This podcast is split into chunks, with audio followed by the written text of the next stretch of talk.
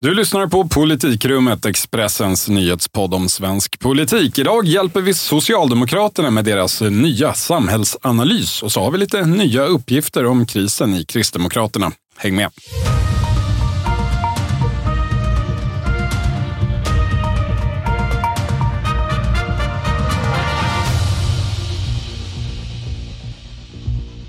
Det är tisdag den 28 mars och eh, våren är inställd i Ulf Kristerssons Sverige. Stockholm hukar under metervis med snö, så känns det i alla fall. Men det är naturligtvis ingenting som hindrar politikrummet från att sammanträda. Jag heter Viktor Bartkron och med mig idag för andra gången sedan comebacken Helena Gissén. Hej! Hej! Ja, det var faktiskt lite av en utmaning att ta sig hit idag. SOM-institutet, du vet, de ja. berättade ju nu i morse om en rekordpessimism där hela 67 procent tycker att Sverige är på väg åt fel håll. Och jag måste säga att just idag är det lätt att förstå dem. Ja, vi är glada att du klarade det i alla fall. Siffrorna eh, alltså från den nationella SOM-undersökningen som kom idag och som vi säkert får anledning att återkomma till många gånger, om än inte just idag. Mm, nej, du har ju också varit ute och rest, lite ja. längre dock, till Värmland. Ja. 1400 moderater samlades i Karlstad i helgen och tanken var väl att de skulle ha en jättetrevlig teambuilding-helg egentligen.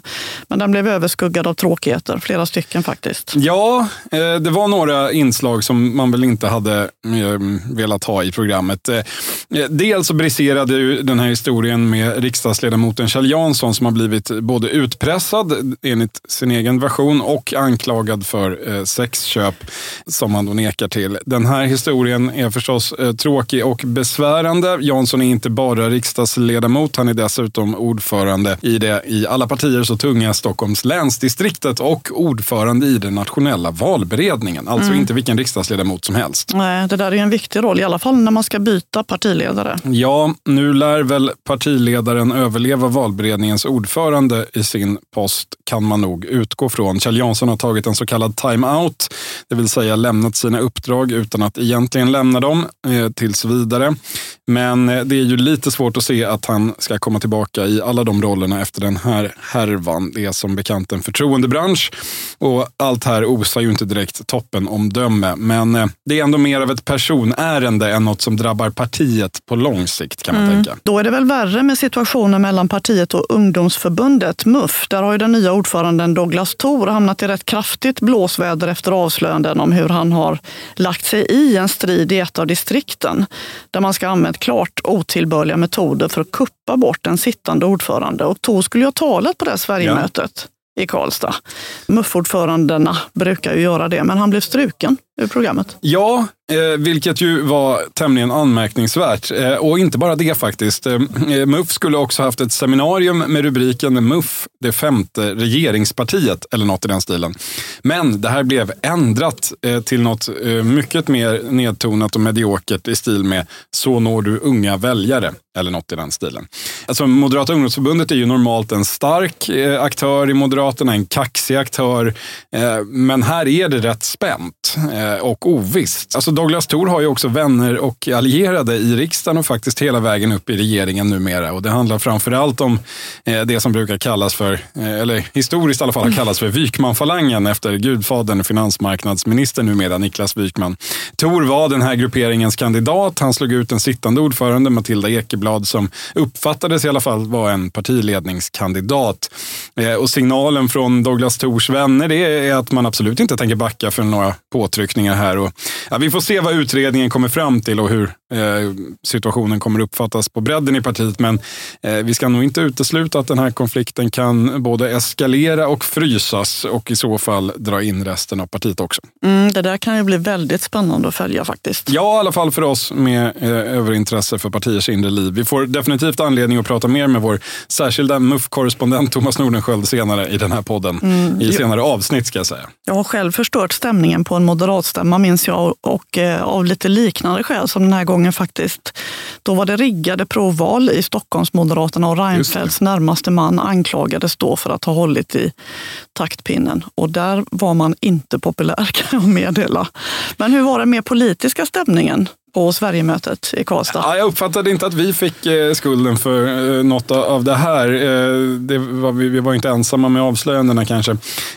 Men nej, Bortsett från de här eh, små blessyrerna på, på helhetsbilden så sammanfattningsvis kan man väl säga att, eh, att det var ett slags blandning av lättnad och frustration. Alltså dels såklart en otrolig lättnad. Alltså för ett år sedan när man samlades på motsvarande möte i Örebro, ja, då trodde de flesta, och det mesta pekade ju på att åtta år i opposition eh, skulle bli tolv minst. Och det fanns en genuin osäkerhet om vart partiet i så fall skulle ta vägen. Men så blev det inte. Nej, det blev ju inte det. Man lyckades snubbla sig över mållinjen och bilda en regering. Eh, men vad blev det egentligen istället då? Eh, och det är väl lite i den frågeställningen som partiet befinner sig här och nu. Alltså, när man har bildat regering, då ska det väl komma en massa borgerliga reformer också, säger partiet som är bortskämt med Bildt-regeringen och Reinfeldt-regeringens första tid. Eh, med borgerliga reformer menar man ju i regel i Moderaterna skattesänkningar. Så man kan väl säga att det var begränsat jubel där på torsdagen när Elisabeth Svantesson kom till Karlstad, eh, finansministern, och hade med sig då en budgetnyhet att man ska höja tilläggsbidraget i bostadsbidraget för att stötta hushåll genom den ekonomiska krisen. Ja, jag kan tänka mig att inte det var så Nej. tunga applåder till det. Eh, Moderat, Fria Moderata Studentförbundet svarade på Twitter att Moderaterna är sossar. Mm. Och så var det inte med med det. Nej, det kan ju bli deppiga år det här i så fall för dem. Alltså det ekonomiska läget det tillåter ju inte precis några stora utsvävningar. Och nu har man då dessutom med sig Sverigedemokraterna också har varit tvungna att lova att inte sänka a-kassan för att finansiera skattesänkningar på det viset, som på Reinfeldt-tiden. Nej, Visst. Och samtidigt eh, så förstår jag ändå om Ulf Kristersson och Elisabeth Svantesson tycker att det är lite otacksamt. Jag menar, det är ju inte som att det är ju faktiskt inte som att Moderaterna har satt sig i regering med Vänsterpartiet och Miljöpartiet och tagit på sig att införa straffskatt på aktieaffärer eller förbjuda golfbanor för den ekologiska mångfaldens skull eller någonting i den stilen. Det är alltså inte som när Socialdemokraterna ingick januariavtalet helt enkelt. Men grundproblemet för den som vill ha en mycket liberal ekonomisk politik är ju att det är alldeles för få som röstar på den typen av partier som vill det och det blir allt färre. Ja, då får man bara hacka i sig detta. Nu har ju regeringen i och för sig faktiskt också en hel del reformer i sitt så kallade Tidöavtal, inte minst på det kriminalpolitiska området som ju Moderaterna har pratat väldigt mycket om de senaste åren. Så man kunde ju tänka sig kanske att partiet skulle vara lite nöjda med det. Ja, och det är de väl egentligen. Men det är ändå en intressant psykologisk grej det där. Alltså, allt som står i tidavtalet, det känns på något vis redan konterat. Det, det är överspelat. Eh, trots att hela implementeringen återstår naturligtvis. Och det eh, lär ju ta mycket av regeringens reformkraft de här åren. För det är som du säger stora saker som ska göras. Trots det så blir den allmänna känslan när man pratar med folk att inget händer. Mm. Eh, eftersom det här stora och detaljerade koalitionsavtalet, det var ju höstens nyheter. Mm. Nu borde någonting annat hända. Sen är det kanske helt enkelt roligare att sänka skatten också. Ja, men så är det väl. Alltså att stoppa stoppa gängmord och förnedringsrån, det är väl mer att betrakta som något slags nödvändigt ont. Men det är inte därför man går med i MUF och offrar sitt sociala liv för möten i moderata lokalföreningar. Utan det gör man faktiskt för att få sänka skatten. Hej, Ulf Kristersson här. På många sätt är det en mörk tid vi lever i. Men nu tar vi ett stort steg för att göra Sverige till en tryggare och säkrare plats. Sverige är nu medlem i Nato. En för alla, alla för en. Har du också valt att bli egen? Då är det viktigt att skaffa en bra företagsförsäkring. Hos oss är alla småföretag stora och inga frågor för små. Swedeas företagsförsäkring är anpassad för mindre företag och täcker även sånt som din hemförsäkring inte täcker. Gå in på swedea.se företag och jämför själv.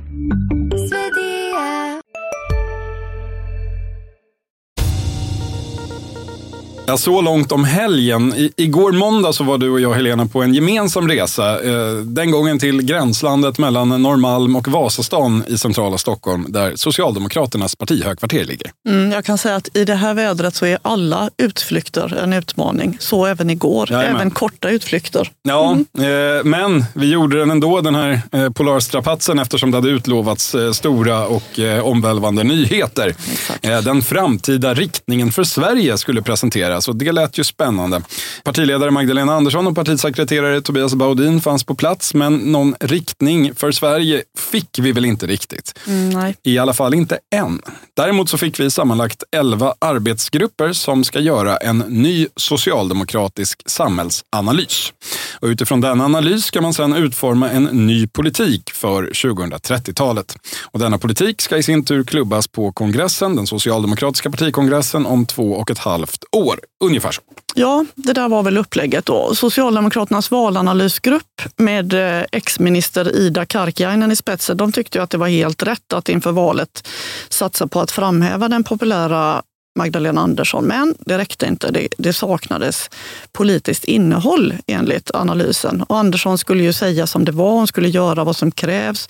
Det skulle vändas på varje sten för att bekämpa brottslighet och segregation och så vidare. Men sakpolitiskt blev det ju inte så mycket alls faktiskt. Nej, så Socialdemokraterna saknar en politik för att nå de eh, mål man pratar om, konstaterade ju valanalysen också. Det, eh, det är lätt att det bara, eh, det var många sidor här och det är lätt att bara skumma allt, men just där eh, kände jag ändå att jag fastnade. Det, det är ändå rätt, en rätt problematisk analys för ett politiskt parti, där till ett eh, parti i 30-procentsklassen som har innehaft regeringsmakten under åtskilliga år. Men uppenbarligen delar man då den bedömningen att det är ett ganska knepigt läge och man vill göra någonting åt det.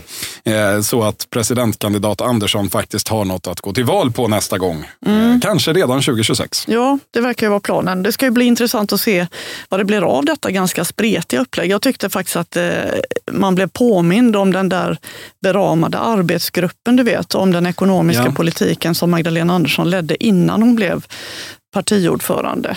Rapporten från den gruppen, det här var ju för två år sedan på våren inleddes med samma ord som återkom på gårdagens presskonferens, nämligen ett längtansfullt konstaterande att Sverige på 80-talet var ett av världens mest jämlika länder. Ja, alltså det var överhuvudtaget ett väldigt nostalgiskt tilltal igår. Alltså, det var svårt att inte reagera på det. Och Det har ju varit det ganska länge från Socialdemokraterna, men det, men det känns som att det eskalerar just nu. Mm. Sverige ska bli som Sverige igen, betonade Magdalena Andersson vid minst tre tillfällen, förmodligen fler. Eh, ska, Sverige ska bli som Sverige igen när folk hjälptes åt, man hade respekt för det gemensamma, när gräset var grönare och det var snö på julafton och fan hans moster. Alltså, Socialdemokraterna ska göra en ny samhällsanalys, men den ska komma fram till till att det var bättre förr. På 1980-talet närmare bestämt. Så den som vill vara lite elak kan ju säga att partiet nu ska lägga några år på att fundera på hur de ska kunna återskapa Magdalena Anderssons tonårstid. Mm. Jimmy Åkesson har ju också pratat ett tag om att han vill skapa det moderna folkhemmet. Det var ju också en helt oblyg stöld från Socialdemokraterna och hela DNA till Sverigedemokraterna är ju nostalgi och nu kör Socialdemokraterna i samma hjulspår och vill ju då förstås köra om. Andersson hackade till och med på sociala medier. Så att ja, mm, det var bättre förr helt enkelt. Ja, sen är det väl i och för sig en viss skillnad i när förr infann mm, sig. Alltså, Sverigedemokraterna föredrar ju eh, Tage Erlanders eh, 1950-tal framför eh, ja, eh, Olof Palmes 80-tal. Eh, så där finns trots allt en viss skiljelinje i nästa val mellan de två största partierna. Mm. Men den där jämlikhetsrapporten från 20, 2021 eh, som du nämnde, den, den landade ju hur som helst lite olyckligt i offentligheten ur den socialdemokratiska partiledningens perspektiv när det kom fram att eh, den här gruppen då hade haft förslag om skattehöjningar. Eh, bland annat kraftigt på sparbelopp över eh, 100 000 kronor. Det blev ett visst ramaskri, kanske inte i LO-tidningen men på en del andra ställen. Och Magdalena Andersson såg rätt snabbt till att backa ur det där om jag minns rätt. Ja, men så var det ju. Hon blev ju tvungen. Men att hon hade lett en grupp som hade föreslagit detta och för övrigt en hel del andra radikala skattehöjningar, det tolkades ju då som att finansministern statsminister Magdalena Andersson nu hade gjort en rejäl vänstergir ja. och vänsterfalangen jublade. Och när det blev dags att välja partiledare efter Stefan Löfven, då var vänsterdistriktet Skåne det första som backade upp Magdalena Andersson. Ju. Ja, och efter det så gick hela processen som på räls. Magdalena Andersson nominerades av varenda gräsrot i varenda partiförening och sen några till, om jag minns valberedningens ordförande rätt i presentationen. Ja, det var väl så. Det var liksom 100 procent i stöd och allmän hallelujastämning. Mm. Men sen då när politiken skulle klubbas på kongressen där hon valdes, då var alla förslag om höjda skatter plötsligt som bortblåsta. Mm. Och vänstersossen Daniel Suhonen till exempel, han myntade då begreppet världens kortaste vänstersväng. Fyra månader höll det. Märkligt, skrev han, att Magdalena Andersson som skulle paketeras som vänster på kongressen avslår alla förslag som hon själv lagt fram. skrev han bittert i Aftonbladet tror jag det var. Ja, det är viktigt med intern debatt. Eh, men det var då det. Nu tillsätts alltså 11 nya arbetsgrupper med sammanlagt 35 gruppdeltagare som ska utföra grupparbeten om diverse olika saker. Alltså rubrikerna i den här samhällsanalysen slash politikutvecklingsprocessen, eh, de är ganska långa och eh, inte sällan lite fluffiga. Alltså, hör på den här till exempel då. Samhällsgemenskap genom ökad rättvisa och respekt för de som bär upp samhället. Mm.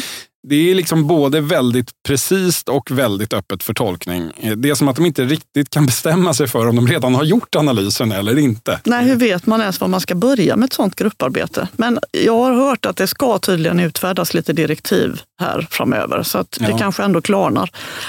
Men noterbart när man tittar på de här grupperna det är att minskade klyftor faktiskt inte framstår som ett tydligt huvudtema trots att just det där med 80-talet och rättvisan och detta ständigt återkommer. Jag ser bara en grupp som ska syssla med det och den leds i och för sig då av vänsterdistriktet Skånes ordförande Niklas Karlsson. Men när Magdalena Andersson på den här pressträffen fick frågor om eventuellt höjda skatter i övrigt då, så sa hon bara att de står fast vid sin idé om beredskapsskatt för att finansiera försvaret. Det var väl det hela. Ja, hon vill inte föregripa någonting, men passade väl ändå på att eh, prata om att det kanske inte var så bra att höja skatten i, i det här eh, tuffa ekonomiska läget. Många vill ju förklara den här ambivalensen med att Socialdemokraterna håller på att bli det nya gamla Folkpartiet. Ett parti för akademiker i storstäder som oroar sig för eh, den liberala demokratin eh, och som kanske inte tycker att höjda skatter är högst på prioritetslistan. Precis, och det är väl där skon kanske kommer att klämma igen då. Kan eh, egentligen Magdalena Andersson fortsätta på samma spår som hittills? Det, det, det blir ju frågan då. Prata vackert om minskade klyftor, men undvika skattehöjningar, begränsade rutavdrag eller annat sånt som hennes vänsterfalang i alla fall, många i partiet vill, men som hennes nya urbana medelklassväljare då faktiskt kan skrämmas bort av. Ja, man har ju ett lite eh, intressant läge där. 38 procent i SIFO är ju bra på många sätt, men den pessimistiskt lagda kan notera att det därmed finns många att också skrämma bort. Ja, precis. Det finns också en risk, säger en del socialdemokrater, att de här strålande opinionssiffrorna som de har nu, att de passiviserar partiet. De har förlorat makten, men väljarna tycks ha ångrat sig. Regeringen har det ju jättekämpigt med krig och kriser och skenande priser och ja, anklagelser om svikna löften och så vidare. Och då blir Magda någon att hålla i när det blåser, verkar ju folk tycka. Trots att en del av problemen självfallet tillkom under deras styre, under hennes styre. Ja, under eh, de 16 åren med högermajoritet i riksdagen menar du förstås. För det är ju en annan eh, favorittalepunkt eh, för Magdalena Andersson just nu. Att eh, mycket av förklaringen till att Sverige har blivit så mycket sämre än eh, på 1980-talet eh, är denna eh, hittills 16 drygt och vid nästa val 20 år med en högermajoritet i riksdagen. En hö- alltså för att förklara hur hon menar då, eh, de borgerliga partierna, inklusive samarbetspartiet får vi väl ändå kalla dem nu, Centerpartiet och eh, Sverigedemokraterna som har satt eh, effektivt stopp för hennes möjligheter att utjämna svenska klyftor. Mm. Fast inte bara. En del grejer är Miljöpartiets fel också. ju. Till exempel då att klimatpolitiken inte har varit anpassad för vanligt folk i glesbygd. Även om Magdalena Andersson inte säger det där med eh, Miljöpartiet rakt ut, men det är så att säga Hon nämner dem ju helst inte alls. Nej. Men hur som helst, nu är ju partiet uppe och nosar på nivåer som är de högsta på mer än tio år. Och eh, då menar en del självkritiska socialdemokrater att detta är ju inte deras egen förtjänst. Den här siffran är uppblåst som en ballong. Den kan spricka när som helst om Kristersson-regeringen börjar leverera. Så därför så måste man jobba hårt med politikutveckling. Man kan liksom inte bara luta sig tillbaka och, och sitta still i båten. Ja, nej, men det är ju ett perspektiv som man verkligen kan förstå. Men om vi tittar på människorna då som ska genomföra detta eh, vidunderliga arbete. 35 personer nämndes vid namn igår. Man känner igen en hel del. Annika Strandhäll hon fick inte bli gruppledare i något utskott, eh, men nu får hon leda en, eh, ja, en gruppering. Eh, Skånebasen Niklas Karlsson har vi nämnt. Är det några andra intressanta namn och hur har man valt dem? Ah, Det är några kända och halvkända då, va? men den stora majoriteten egentligen är väl eh, faktiskt helt okända ska jag säga och potentiella framtidsnamn. Ofta är det yngre, vilket partiet behöver eftersom de tappar stort bland ungdomar. Ju. Och, eh, det här är då folk som ska provtryckas, som man säger. Man ska kolla vad de går för, om de är att räkna med i ett eh, generationsskifte så småningom. Vissa är barn då, som sig bör i det här partiet, ja. till etablerade höjdare. Eh, till exempel veteranen Anneli Hulténs dotter finns med här och så vidare. Ja, det är ju, eh, svenska partier har ju, inte bara Socialdemokraterna, ett visst inslag av klanvälde. Så är det. Och så har det varit länge.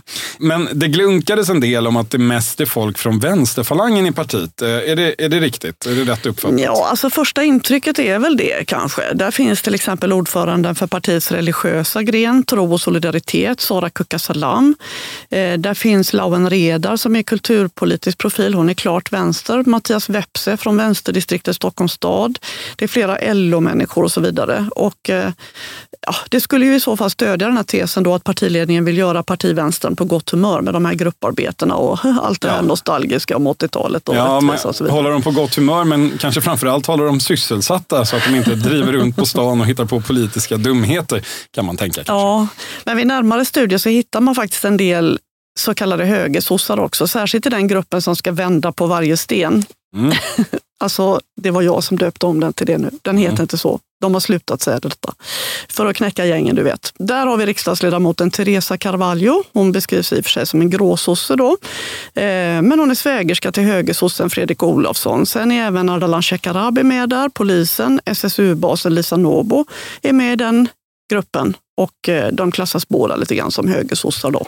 Ja, och det här kan ju analyseras på bredden och tväret och djupet och eh, det lär ju också göra så, särskilt i partiet. Men frågan är förstås vad det här betyder i slutändan. Alltså min prognos är nog ändå att det här uppdraget är i grunden alldeles för brett. Arbetsgrupperna för många och partiet framför allt, liksom alltid, för spretigt för att den här processen ska kunna landa i någon tydlig riktning för 2030-talet i sig själv. Och jag måste väl säga att jag delar den analysen faktiskt. Ja, men det behöver ju samtidigt inte vara ett problem, lite beroende på vilket perspektiv man tar. För eh, det där betyder ju samtidigt att, att stor makt landar hos den som har att samla ihop alla lösa trådar och spinna en politisk produkt av det. Det vill säga hos Magdalena Andersson och hennes partiledning. Japp. Alltså de eller hon eh, kommer att kunna välja ut de slutsatser som passar bäst, göra dem till politik och sen kommer man kunna peka på att eh, Magdalena Anderssons nya socialdemokrati är minsann resultatet av en oerhört djupt förankrad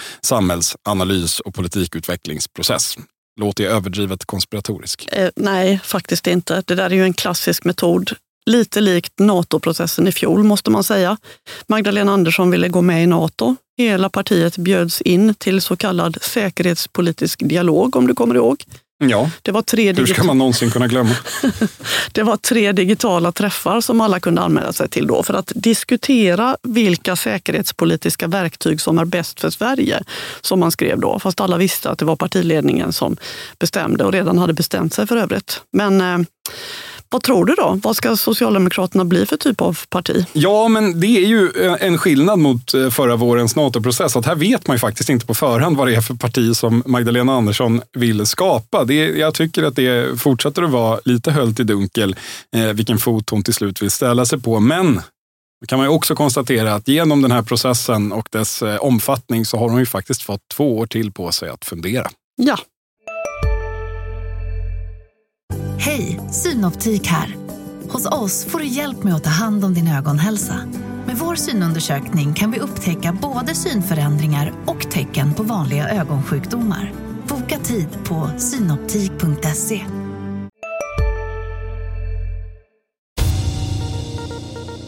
I förra veckans avsnitt så pratade vi ju en hel del om krisen, eller kriskatastrofen som vi kallade den, i Kristdemokraterna.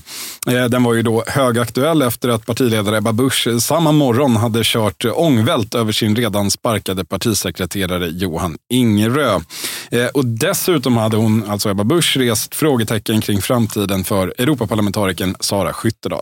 Det blev en del starka reaktioner på det där eh, i partiet och utanför och det fortsatte sen under resten av veckan. Så eh, när jag och eh, vår kollega Thomas åkte till eh, Karlstad för att hänga med moderater så pratade du Helena runt med kristdemokrater ute i landet. Vad gav det? Ja, jag sökte då distriktsordförandena ute i de 22 partidistrikt, jag tror det är 22 i alla fall, partidistrikten. Eftersom mm. Bush själv spred bilden då av ett utbrett missnöje med Johan Ingerö, att han skulle ha fått sparken ändå, oavsett det här bråket med Skyttedal, som ju också eh, har den bärande ingrediensen att han på partiledarens uppdrag försökte stoppa alla hennes utspel i vintras om bland annat legalisering av cannabis, vilket hon blev väldigt upprörd över då.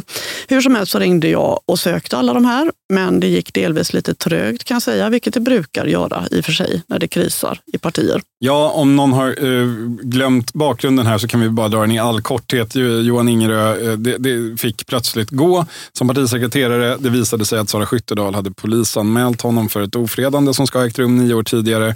Eh, och detta efter en konflikt som de hade haft, eh, en professionell konflikt i januari som visade sig handla om eh, Skyttedals cannabisutspel. Men den här gången kan ju tystnaden i partiet också eh, förklaras av ett mejl som de här distrikten har, eh, hade fått från högkvarteret i Stockholm och som eh, du också fick och fint nog publicerade. där det utgick direktiv om att hålla tyst när Expressen och andra medier ringde. Uppmaningen var att inte svara i telefon alls eller att be om att få återkomma och sen låta bli. Ja, just precis. Det var väldigt eh, var avslöjande eh, bild av mediehantering. Ja. Men bland de som trots allt då gick att få tag på så råder det nu ganska stor förvåning över de här påståendena att Johan Ingerö skulle ha dragit på sig ett missnöje under de här knappa fem månaderna som han har varit partisekreterare. Och sen efter det då så talade ju Sara Skyttedal ut i Dagens Nyheter och det är ju inte riktigt slut med detta. Nej, och det finns några eh, spår som vi kommer att behöva fortsätta följa. Och ett gäller ju då Sara Skyttedals politiska framtid. Hon kandiderar eh, för en ny mandatperiod i Bryssel, säger hon. Men många i partiet menar att det blir svårt. Ja, precis. Hennes väldigt drogliberala linje är helt klart för mycket för många kristdemokrater, även bland folk som tidigare verkligen har stöttat henne. Det var någon som sa att det var ett kafferep att få med sig Kristdemokraterna på att strama åt migrationspolitiken. Det är också känsligt ju när det begav sig jämfört med hur det skulle vara att nu helt lägga om narkotikapolitiken. Ja, och, ja minns man hur det lät när Sara Skyttedal eh, ville strama åt migrationspolitiken så förstår man eh, bilden av detta. Det var ju folk som mådde illa och fick ont i huvudet och allt var förskräckligt ända till det ett halvår senare inte var det. Eh, nu ska vi minnas då ändå att Sara Skyttedal fick eh, många personkryss i förra EU-valet. Eh, hon anses väl allmänt ha varit en duglig parlamentariker så här långt. I högsta grad ja. Eh, troligen så kan hon väl ändå mobilisera och kanske trots allt få ett stöd i provvalet senare i vår. Men frågan är om det räcker. Ja, och det har ju faktiskt hänt förut att personer som får starkt stöd i provval helt enkelt petas helt från listorna. Mm. Inom Kristdemokraterna så gäller det ju till exempel abortmotståndaren Lennart Sacredius eh, i flera val dessutom. Ja, varje gång de tror att de är av med honom så dyker han upp igen. Ja, nu finns det i alla fall spekulationer om att Skyttedal kan få problem även om hon får många röster i provvalet. Petas hon ner till en lägre plats på listan så skulle hon ändå kunna ta sig in med personkryss. Ju. Eh, och vill partiet och partiledningen då verkligen inte ha henne i Bryssel, då kan hon alltså petas helt. Ja, och här måste jag då bryta lite för att framföra en rättelse och en ursäkt. I en tidig version av förra veckans podd så råkade jag nämligen glömma bort David Lega. Aj, aj, aj. Ja, jag råkade kalla Sara Skyttedal för eh, Kristdemokraternas enda eh, Europaparlamentariker. Och det är förstås inte sant eftersom Kristdemokraterna har två platser och den andra innehas av just David Lega eh, som jag har träffat flera gånger och eh, naturligtvis eh, är medveten om existerar egentligen. Jag beklagar och tar en timeout. Okay. Så, eh, nu går vi vidare. En fråga som uppstår här är nämligen, och förlåt igen nu David Lega, vem som då ska bli Kristdemokraternas första namn i EU-valet nästa år om det inte blir Sara Skyttedal. Blir det verkligen David Lega? Nej, alltså då säger ju folk att det är inte helt säkert. Han är visserligen väldigt omtyckt i partiet, men han gör ju inte så mycket väsen av sig, åtminstone inte om man ska jämföra med Sara Skyttedal.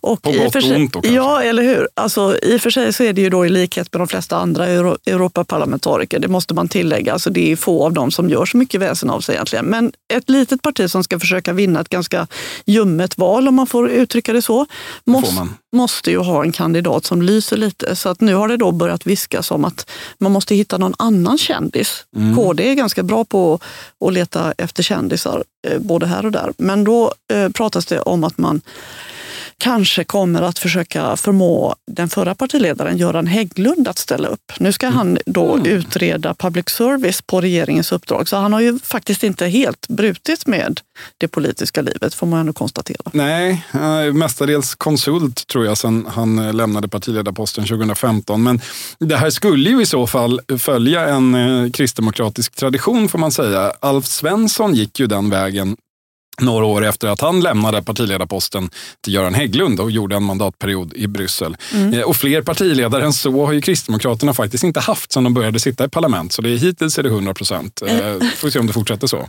Och Göran Hägglunds utredning ska dessutom vara klar i april nästa år. En dryg månad före valet. Kom ihåg vad du hörde detta först. Intressant och är han dessutom eh, eh, återaktualiserad i nyheterna.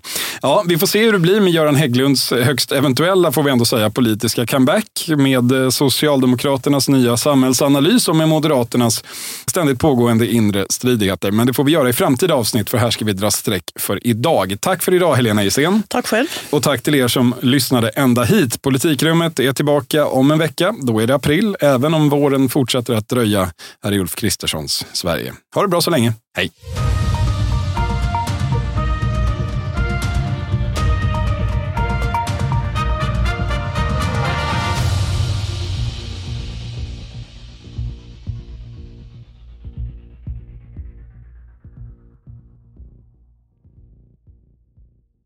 Du har lyssnat på en podcast från Expressen. Ansvarig utgivare Klas Granström